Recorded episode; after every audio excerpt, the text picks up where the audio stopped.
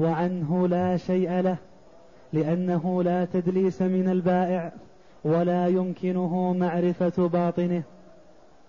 والأول أصح لأن عقد البيع اقتضى السلامة فإذا بان معيبا ملك رده كالعبد. يقول رحمه الله فصل إذا اشترى ما مأكوله في جوفه كالبيض والبطيخ والرمان وغيرها من الأشياء التي يكون ظاهرها السلامة والباطن يكون سليما ويكون تالفا ويكون قد تلف بعضه دون بعض. فمثلا البيض القشر واحد والمظهر واحد. والداخل قد يكون سليما وقد يكون تالفا والبطيخ كذلك والرمان كذلك وهكذا من الأشياء التي عليها غلاف قشر يحجب معرفة الداخل. فهذا قال فوجده معيبا فله الرد يعني يرده ويأخذ القيمة وعنه لا شيء له. رواية عن الإمام أحمد بأنه لا شيء له لا يأخذ المشتري شيئا لأن البائع ما غشه وما دلس وعلم البائع والمشتري فيما في الداخل سواء. وعنه لا شيء له لأنه لا تدليس من البائع ولا يمكنه معرفة باطنه. البائع ما يدري عن الباطن هو سليم ولا تالف. يقول والأول أصح لأن العقد اقتضى السلامة وتبين خلاف ذلك فأصبح أن القيمة بذلت بدون مقابل فله استرجاعها لأن عقد البيع اقتضى السلامة فإذا بان معيبا ملك رده. يرده ويأخذ القيمة. كالعبد. العبد مثلا اشتراه وظاهره أنه سليم. ثم إن وجد فيه عيبا كأن يكون فاسق. يشرب الخمر أو يزني. لا يدرى عن هذا في الظاهر لكن تبين فيما بعد. أو تبين أنه مريض أو نحو ذلك. ففي هذه الأحوال له الرد كما تقدم. موضوع العبد تقدم ذلك أن له الرد. وهنا قاس ما داخله هو المقصود ما يعني يكون المقصود في الجوف داخل أنه مثل العبد إذا وجد فيه عيبا داخليا فرده من أجله. نعم. وإن كان مما لا قيمة له كبيض الدجاج والجوز والجوز الخرب والرمان الفاسد رجع بالثمن كله لأن هذا ليس بمال فبيعه فاسد كالحشرات. وإن كان الفاسد في بعضه رجع بقسطه. وإن كان مما لا قيمة له لأن بعض الأشياء الفاسدة في الداخل الغلاف له قيمة يستفاد منه في أشياء. يجعل مثلا كإناء ونحوه مثلا. فهذا لا يخلو. إن كان القشر هذا أو الغلاف لا قيمة له يقول يأخذ الثمن كاملا. اشترى البطيخ مثلا فوجده فاسد يرده ويأخذ القيمة كاملة لأنه لا قيمة للقشر فيرد القشر ولا قيمة له. أو رمان مثلا أو بيض دجاج وجده فاسد فيرده. فإن كان الفساد في بعضه دون بعض رد الفاسد بقسطه وأخذ السليم بقسطه من الثمن. وجد مثلا نصفه سليم ونصفه فاسد فيرد الفاسد ويأخذ نصف القيمة وهكذا. وإن كان مما لمكسوره قيمة كجوز الهند وبيض النعام فقال الخرقي يرجع بالثمن وعليه أرش الكسر كما لو كان المبيع ثوبا فقطعه.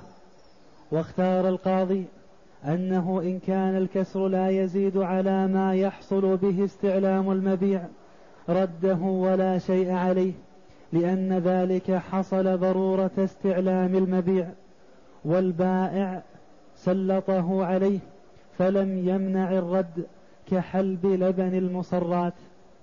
وإن زاد. وإن زاد على ذلك خرج فيه روايتان كسائر المعيب الذي تعيب عنده.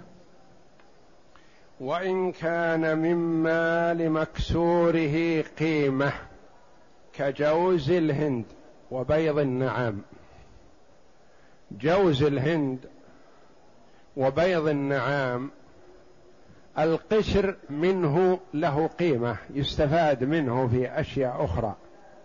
إذا تلف ما في الداخل فالقشر يستفاد منه. الغلاف يستفاد منه يتخذ منه أشياء. قال الخرقي يرجع بالثمن يعني يرده ويرجع بالثمن.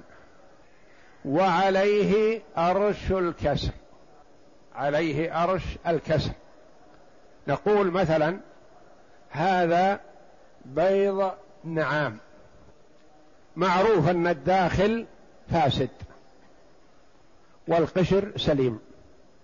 كم قيمته؟ قالوا قيمته عشرة لأن القشر له قيمة. بيض نعام داخله سليم وقشره سليم. كم قيمته؟ قالوا عشرون.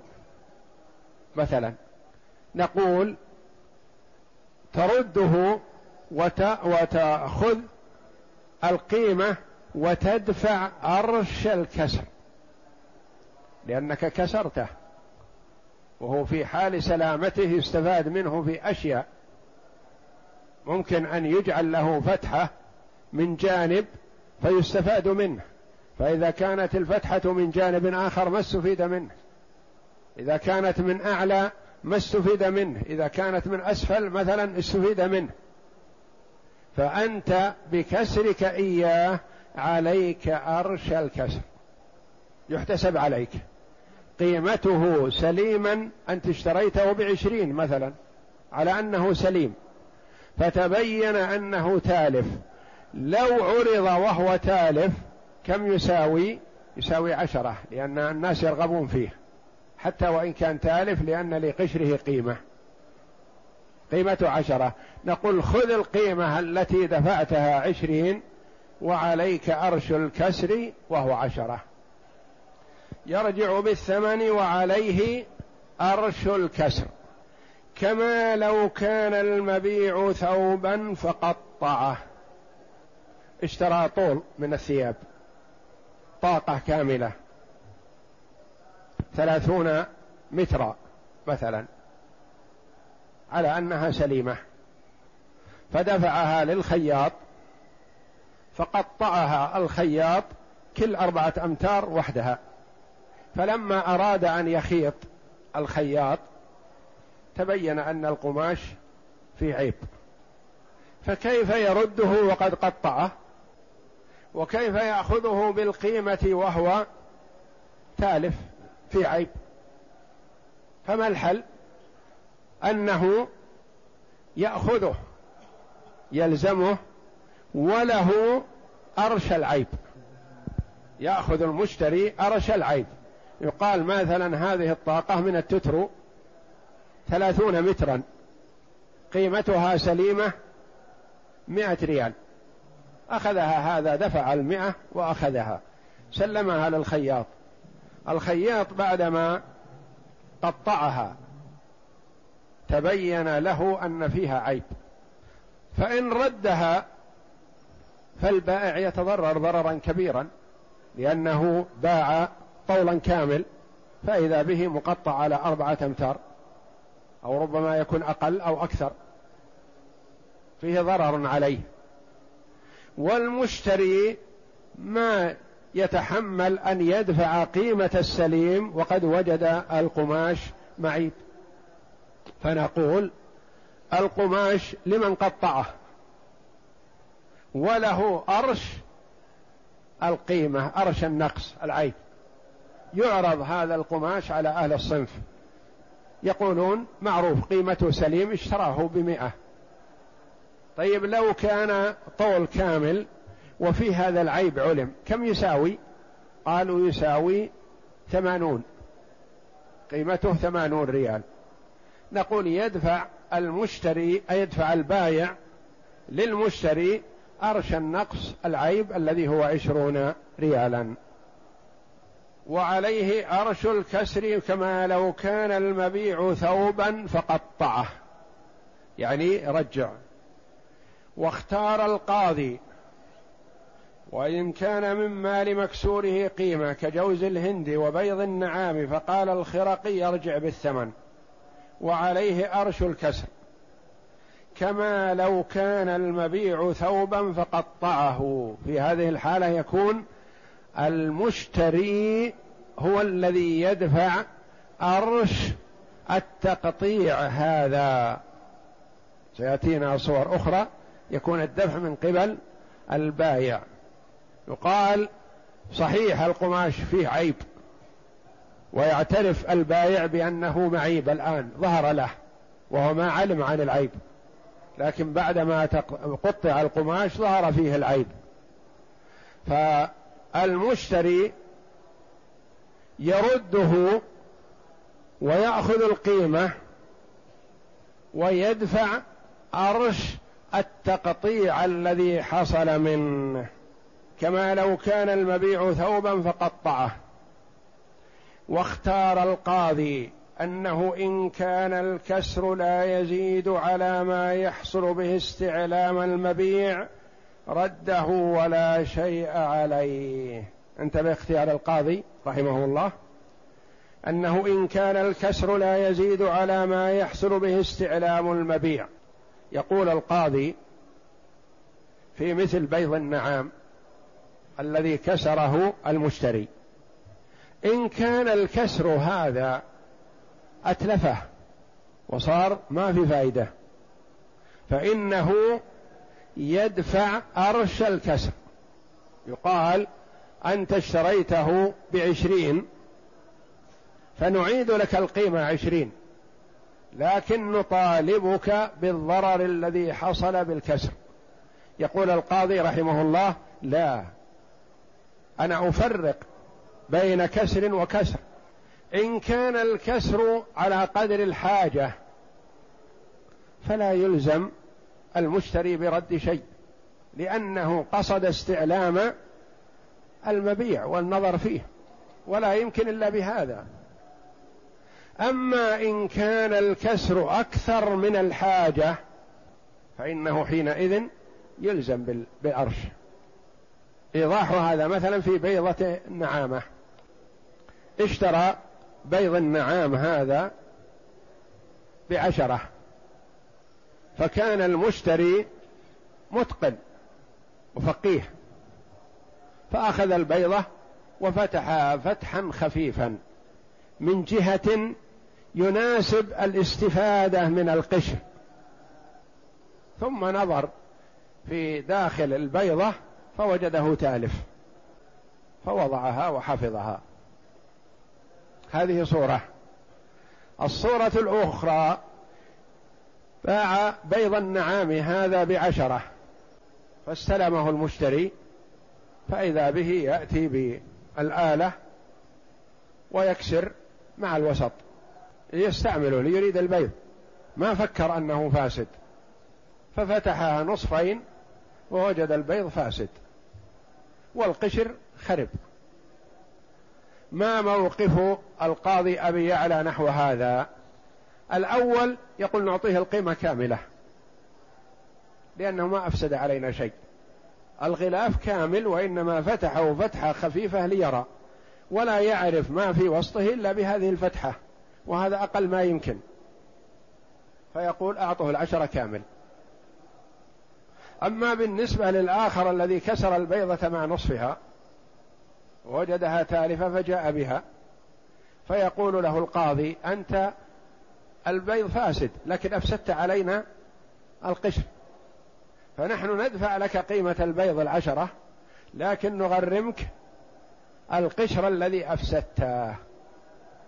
هذا تفصيل القاضي أبي يعلى رحمه الله وله حظ من النظر. واختار القاضي أنه إن كان الكسر لا يزيد على ما يحصل به استعلام المبيع يعني الاطلاع على ما في داخله. رده ولا شيء عليه ما يطالب يقال أنت كسرت.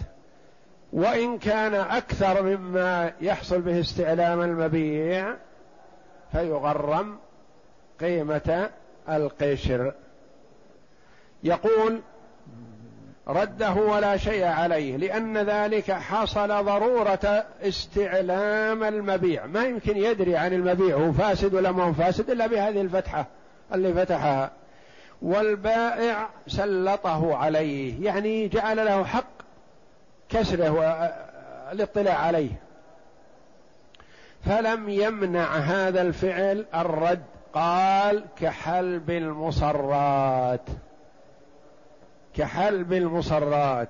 فالمشتري اشترى الشاة أو البقرة أو الناقة ضرعها كبير ومليء بالحليب.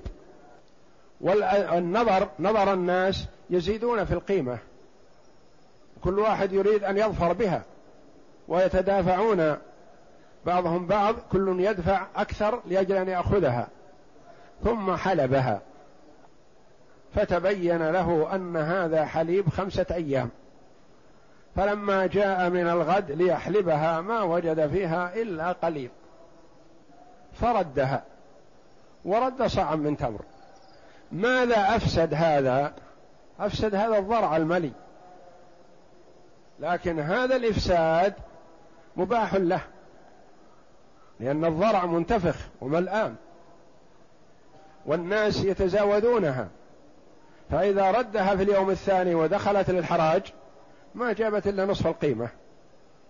إن الناس أول ما ينظر المشتري ينظر الضرع شوف هل فيه لبن ولا لا؟ فيقول إن هذا صاحب البيض مثل صاحب المصرات. المصرات لا إشكال في ترجيعها. وإن كان أفسد لأن إفساده هذا مأذون له فيه ولا يمكن الاطلاع على التصرية إلا بهذا الحلب. فكذلك صاحب البيض الذي ترفق عند كسره وفتحه فتحة خفيفة واطلع على ما بداخله فوجده فاسد فرده فله القيمة كاملة. الذي كسر البيضة مع نصفها وأتلفها هي وقشرها عليه غرامة إتلاف القشر. البيض الذي لا قيمة لقشره كبيض الدجاج يعاد إليه القيمة كاملة. لأنه لا قيمة لهذا القشر الذي أفسده. وإن زاد على ذلك يعني في الفتحة خرج فيه روايتان كسائر المعيب الذي تعيب عنده. إن زاد على الكسر يقال له أنت بالخيار مثلا. محتمل يكون أنت بالخيار. إن شئت اقبلها. ولك الأرش ولك عن فساد البيض. أو ردها وعليك الأرش في تكسير القشر المستفاد منه. وإن زاد على ذلك يعني في الفتحة فتح أكثر من المطلوب خرج فيه روايتان كسائر المعيب الذي تعيب عنده. فيه عيب وتعيب عند المشتري هذا تقدم لنا. أنه فيه روايتان. يرده ويدفع معه أرش العيب الذي تعيب عنده. أو يقبله ويأخذ أرش العيب السابق. وهذا كهو. فصل وإن اشترى ثوبا لا ينقصه نشره فنشره فله رده بالعيب. وإن كان ذلك ينقصه فهو كجوز الهند وإن اشترى ثوبا لا ينقصه نشره فنشره فله رده بالعيب. اشترى طول من الثياب ملفوف على خشبة أو عود أو نحو ذلك فوجد في داخله بقع أو وجد فيه تخرق وجد فيه تلف فرده طواه على عوده وعاد كما كان. ما نقص بالنشر هذا له رده ويأخذ القيمة. هناك بعض الثياب إذا فلها المشتري تغيرت وأصبحت كأنها مستعملة مثل ما تشتري ثوب مربط بدبابيسه وكذا وبكرتونه وغلافه وإلى آخره مثلا ثم فتحته فوجدته مختلف. ما تستطيع لا أنت ولا صاحب المحل أن يعيده كما كان. يختلف. وكل من رآه رماه قال هذا ملبوس. وكل من رآه قال هذا ملبوس. ما أريده. هذا ينقصه النشر. فإذا كان ينقصه النشر فهو كجوز الهند.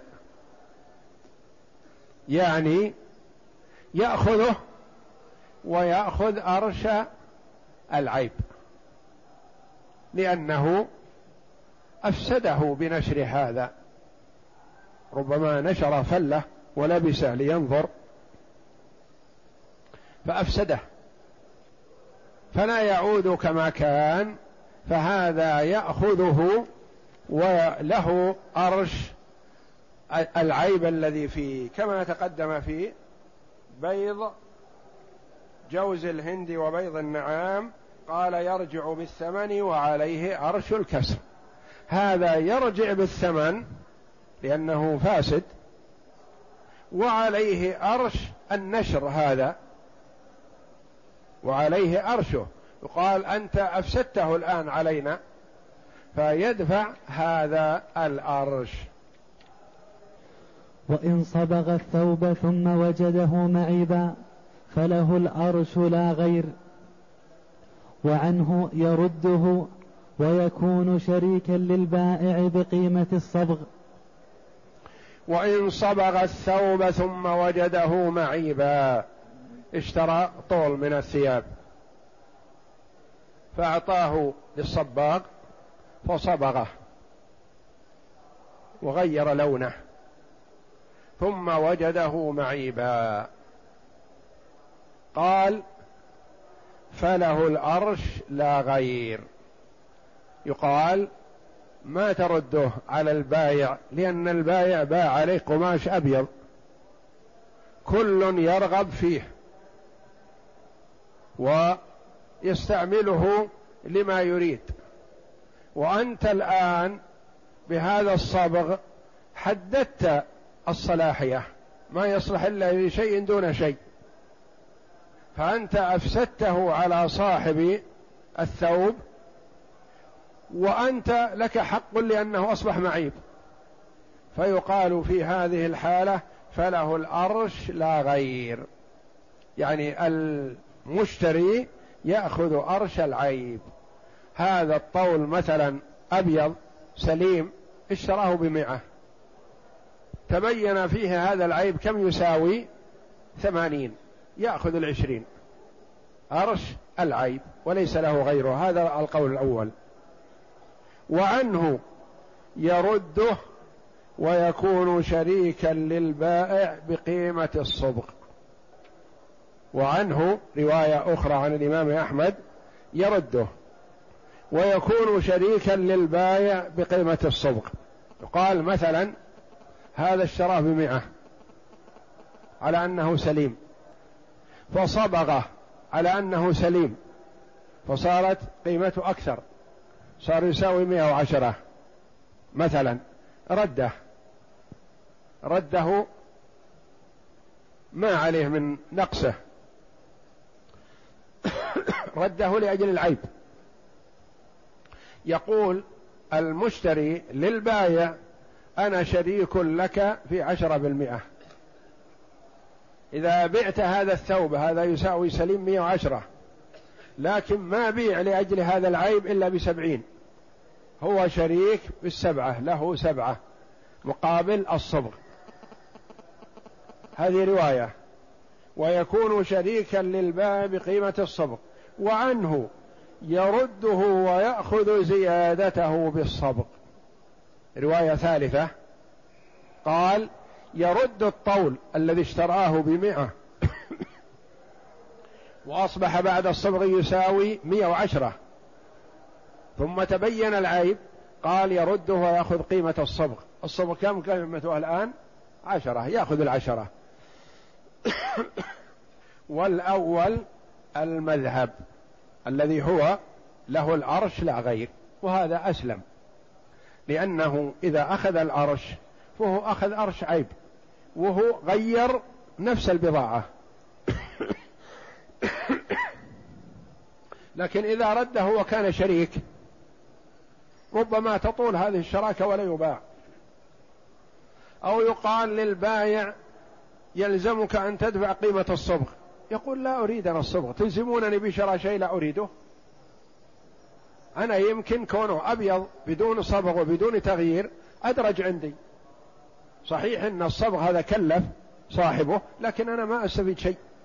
فتلزمونني بقيمته وأنا ما غير مستفيد. فهذا فيه إلزام للبايع بدفع ثمن لا يلزمه شرعا. فالرواية الأولى أسلم وأبعد عن النزاع وكثرة النزاع. يقال له القماش أنت قطعته القماش أنت صبغته خذ أرشه خذ الأرش أو يصطلحان على أن يأخذه البايع ويدفع أرش آه، مقابل ويدفع المشتري مقابل هذا التقطيع.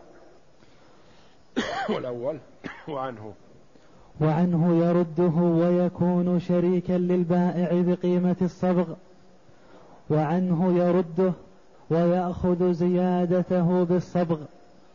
والأول المذهب لأن إجبار البائع على بذل ثمن الصبغ إجبار على المعاوضة فلم يجز لقول الله تعالى إلا أن تكون تجارة عن تراض منكم. يعني كأننا ألزمنا البايع بأن يدفع قيمة الصبغ. والله جل وعلا ذكر أن التجارة الصحيحة الحرة المباحة هي التي تكون عن تراض.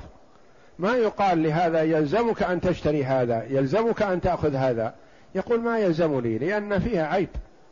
وأنا ما أريد البضاعة ولا ويقول البائع كذلك ما يلزمني أن تلزمونني بقيمة شيء أدخله المشتري على البضاعة.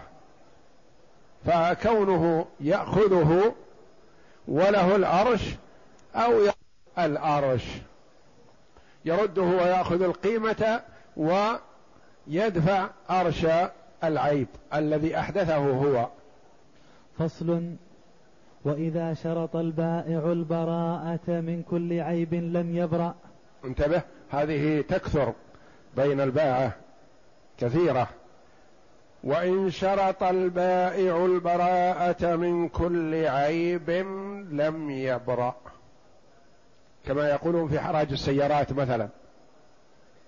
يذكر فيها أنها كذا وكذا وكذا وكذا وغير صادق ليدخل بعض العيوب التي فيها مثلا ويقول أنا ما أبيعه إلا على من يقبلها برمتها ولا يفتش في عيوب. شرط البراءة من كل عيب. قال ما ترد علي بأي عيب. افرض أنها كذا وكذا وكذا ما تردها علي. قال إذا قبلتها وهو يظن أنها سليمة. قال لم يبرأ لأن البراءة من العيب بعد النص عليه. يقول مثلا انتبه هذه الدابة فيها عرج هذه السيارة فيها اختلاط كذا وكذا فيها ضعف في الفرامل فيها ضعف كذا فيها كذا فيها كذا يعدد اللي فيها صحيح. لكن يقول خذها وكما كما ترى. لا تفتش في عيوبها ولا تقول شيئا. نقول لا هو اشترى سيارة ما اشترى كوم حديد. فلا بد أنه مثلا العيب الذي فيها بينه وأما أن تشترط عليه البراءة من كل عيب لا. لم يبرأ. لأن البراءة مرفق في البيع لا يثبت إلا بالشرط. يعني البراءة من العيب أو الاعتراف بالعيب محسوب له شيء من الثمن. يقول مثلا هذه السيارة فيها كذا وكذا من العيب. معلوم أنها لو كانت سليمة كانت تساوي ثلاثين. لكن لما ذكر هذا العيب ما تجاوزت خمس وعشرين. فهذا العيب له مرفق في الثمن. له حد له نصيب من الثمن. لأن البراءة مرفق في الثمن. يعني له حد له نصيب من الثمن. في البيع لا يثبت إلا بالشرط. يقال ترى فيها كذا.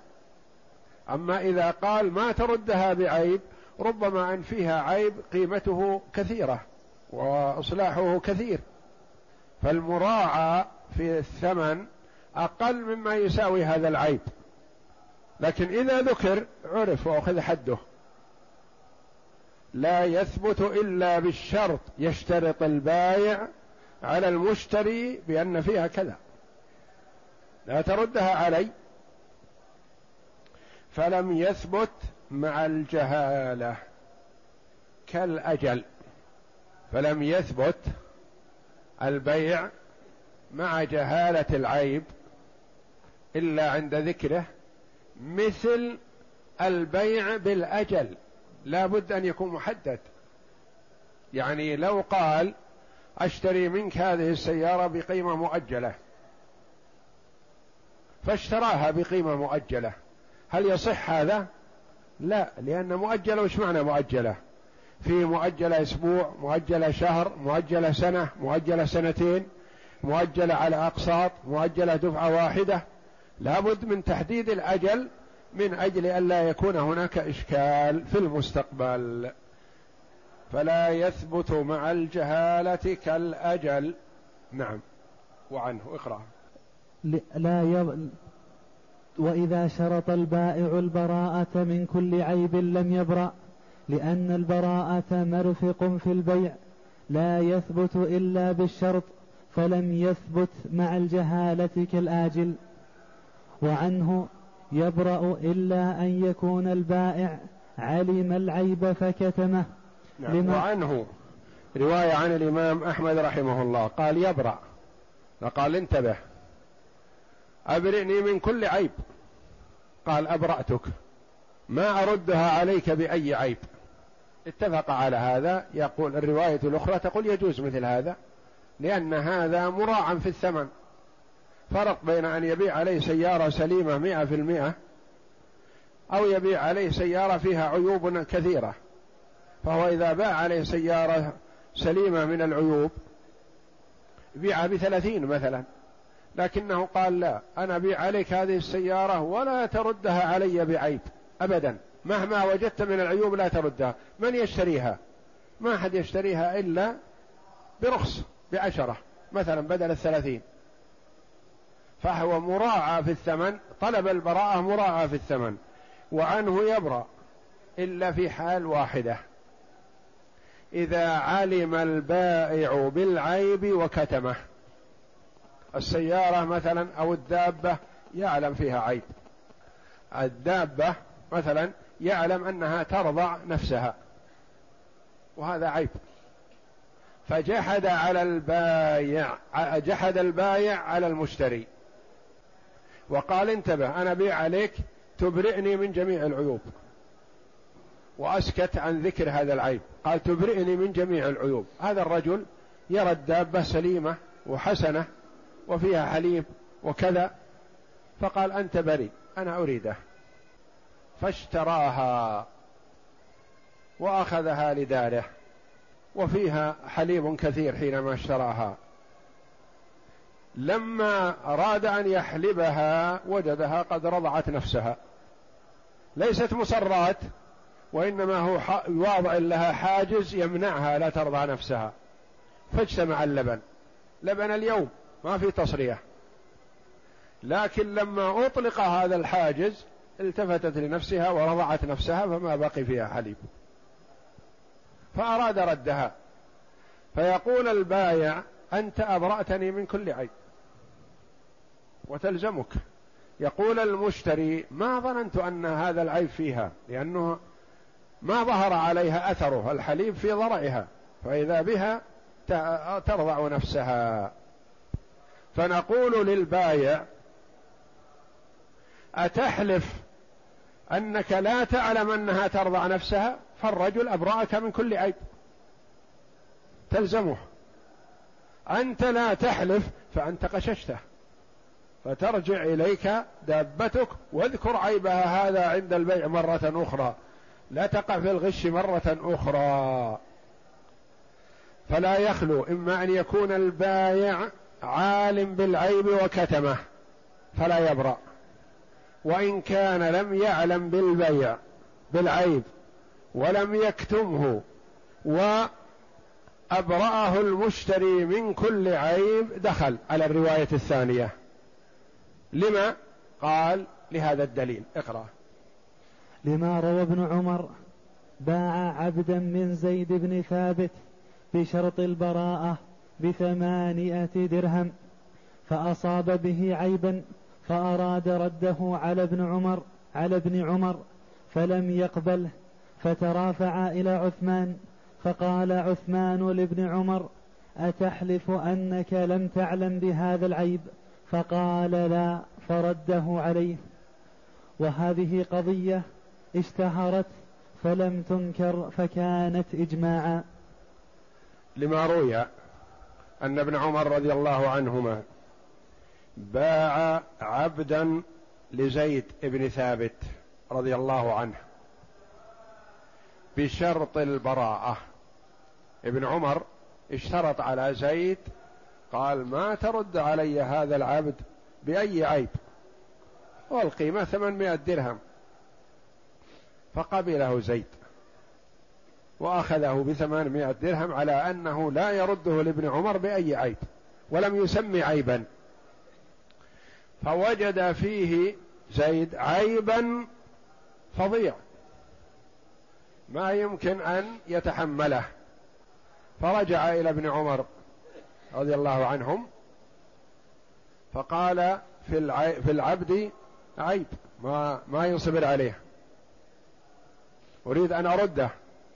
قال لا أما الم تقل ألم تبرئني من كل عيب؟ أنا اشترطت عليك أن تبرئني من كل عيب وقد أبرأتني فأنت دخلت عليه على أن فيه عيوب الله أعلم بها وأبرأتني منها.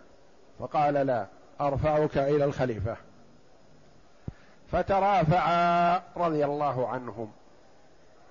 القاضي والخصمان. كلهم من خيار الصحابة رضي الله عنهم لكن في الحقوق المالية ما في حرج. فترافعا إلى عثمان. فقال عثمان لابن عمر صحيح الرجل أبرأك من كل عيب لكن أريد أن أسألك سؤال هل كنت تعلم عن هذا العيب أو لا؟ تحلف أنك لا تعلم فألزمه. ما تحلف يعود إليك عبدك. فتورع ابن عمر رضي الله عنهما عن اليمين ولم يحلف. فرد عثمان العبد على ابن عمر. وكان الصحابة رضي الله عنهم وهذا محتمل أن عبد الله بن عمر رضي الله عنهما ما يدري عن العيب.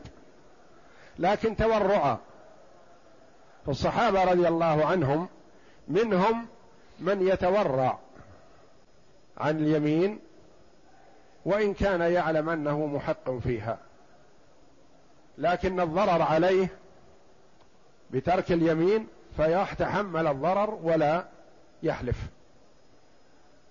فكان عثمان رضي الله عنه في مثل هذه القضية قضية أخرى كان عثمان خصم فتوجهت اليمين على عثمان رضي الله عنه فأبى أن يحلف.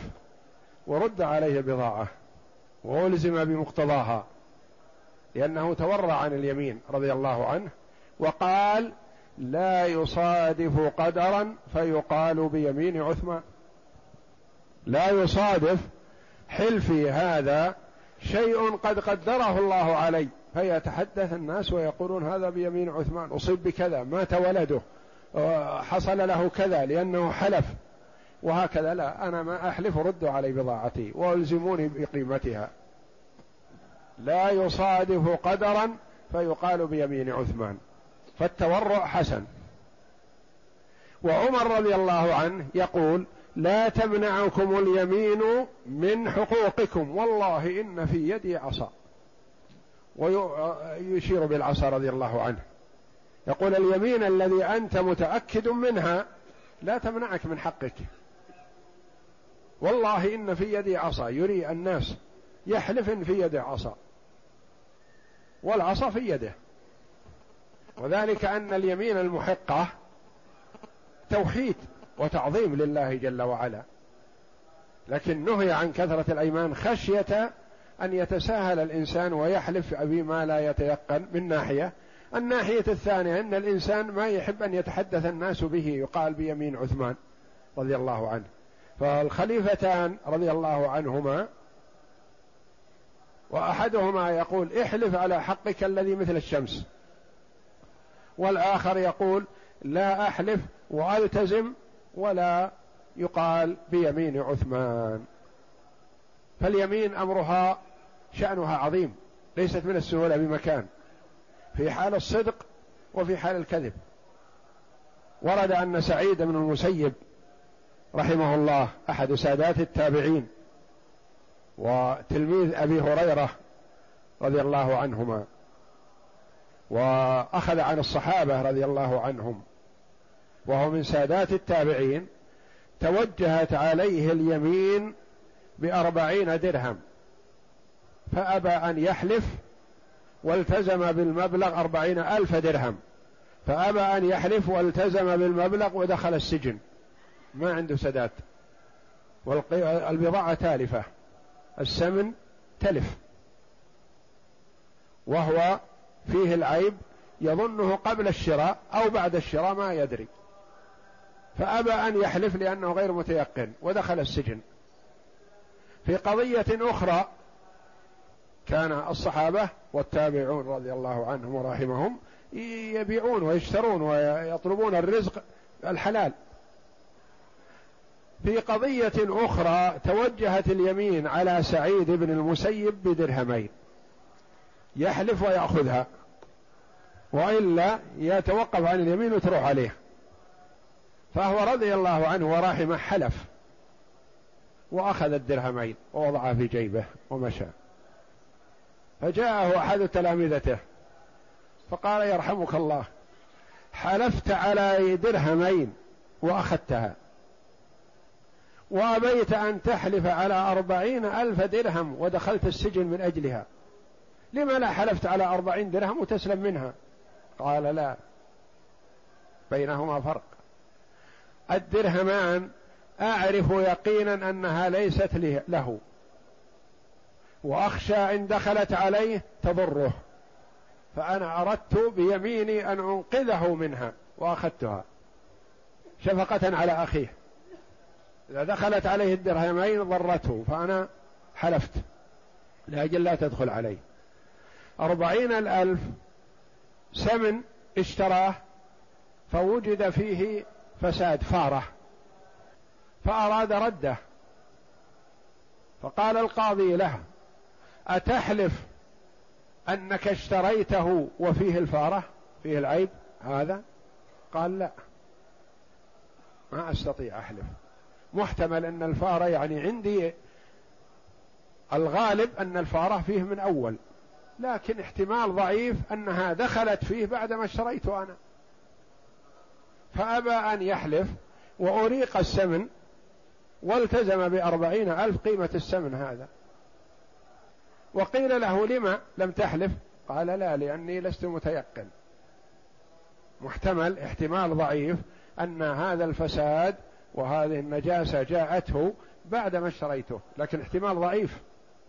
وهو ما أراد المطالبة في الأول إلا هو شبه الغالب واليقين عنده أن الفساد من أول. لكنه خشي أن يكون الفساد وهو في ملكه فيكون أخذ الأربعين الألف من صاحبه وهو لا يستحقها. فالصحابة والتابعون رحمهم الله يتورعون ويحسبون لليمين ألف حساب ولا يستسهلونها سواء كانت له أو عليه. سواء كانت له أو عليه. والواجب على المسلم أن يهتم بهذا. فتوجهت اليمين على شخص بطلب أحد الصحابة رضي الله عنهم فأراد أن يحلف الذي توجهت عليه اليمين. فقال والله الذي لا إله إلا هو عالم الغيب والشهادة أن الأمر قال لا لا لا تقول كذا. قل والله إن الأمر كذا وبس. فحلف بهذا اليمين الذي توجهت له فما قام من مكانه. ما قام مكانه. فحمل ميتا. فقيل له يرحمك الله لما منعته من اليمين الأولى؟ والله الذي لا إله إلا هو عالم الغيب والشهادة. قال نعم. اليمين القصد منها يعني تخويف الحالف واستحضار عظمة الله جل وعلا والاستهتار بها. يستهتر بعظمة الله جل وعلا. بخلاف ما إذا قال والله الذي لا إله إلا هو عالم الغيب والشهادة فكأنه وحد الله وأثنى على الله جل وعلا. يقول خشيت أنا أعرف أنه كاذب فأخشى أنه إذا وحد الله جل وعلا يعفو الله عنه من أجل توحيده وأنا أريد أن يظهر كذبه أن الرجل كاذب. فلما حلف اليمين التي مجردة من التوحيد والثناء على الله جل وعلا يقول سقط في مكانه. فيجب على المسلم أن يهتم باليمين ولا يحلف إلا على ما تيقنه لأن الأمر ليس بسهل. والنبي صلى الله عليه وسلم قال على مثل هذا فاحلف أو دع. على مثل هذا فاحلف أو دع. يعني مثل الشمس. أشار إلى الشمس وقال الشيء الذي يقين عندك احلف عليه. وأما ما كنت فيه شك فلا تحلف. وعمر رضي الله عنه ما قال احلفوا على اي على اي يمين؟ قال لا تمنعكم اليمين من حقوقكم يعني في الشيء الذي تتيقنونه. وتعلمون أنه حق لكم. نعم. ويتخرج أنه يبرأ مطلقا بناء على قوله في صحة البراءة من المجهول. ولأنه إسقاط حق من مجهول لا تسليم فيه لا تسليم فيه فصح كالعتاق. قال ويتخرج أن يبرأ مطلقا بناء على قوله في صحة البراءة من المجهول لأن العلماء رحمهم الله اختلفوا في صحة البراءة من المجهول. أما البراءة من المعلوم فهذا لا إشكال فيه. يقول ترى فيه كذا. قال أنت بريء من هذا. لكن قال أبرئني من كل عيب فقال أبرأتك. فيرى بعض العلماء أنه لا يصح البراءة من عيب مجهول ويرى بعضهم أنه في باب البراءة يتوسع فيها ما لا يتوسع في غيره. فتصح البراءة من المجهول. نعم. وإن قلنا قال لأنه إسقاط حق. فالمرء أسقط حقه فهو أسقط حقه عن شيء مجهول وقد علمه فيما بعد فهو قد أسقطه. نعم. وإن قلنا بفساد الشرط فالبيع صحيح لأن ابن عمر لأن ابن عمر باع بشرط البراءة فأجمعوا على صحته. ويت... لأن ابن عمر باع على البراءة من كل عيب. ما قال له الصحابة رضي الله عنهم انظر ما يصح بيعك هذا لأن هذا براءة من عيب مجهول. أجازه الصحابة رضي الله عنهم. ويتخرج فساده بناء فساده فساد البيع إذا كان على البراءة من كل عيب. نعم. بناء على الشروط الفاسدة. ويتخرج فساده بناء على الشرط الفاسد لأن هذا البيع. قالوا فاسد لأن فيه شرط فاسد. فألزم ابن عمر ببضاعته وردت عليه. والله أعلم. وصلى الله وسلم وبارك على عبده ورسول نبينا محمد وعلى آله وصحبه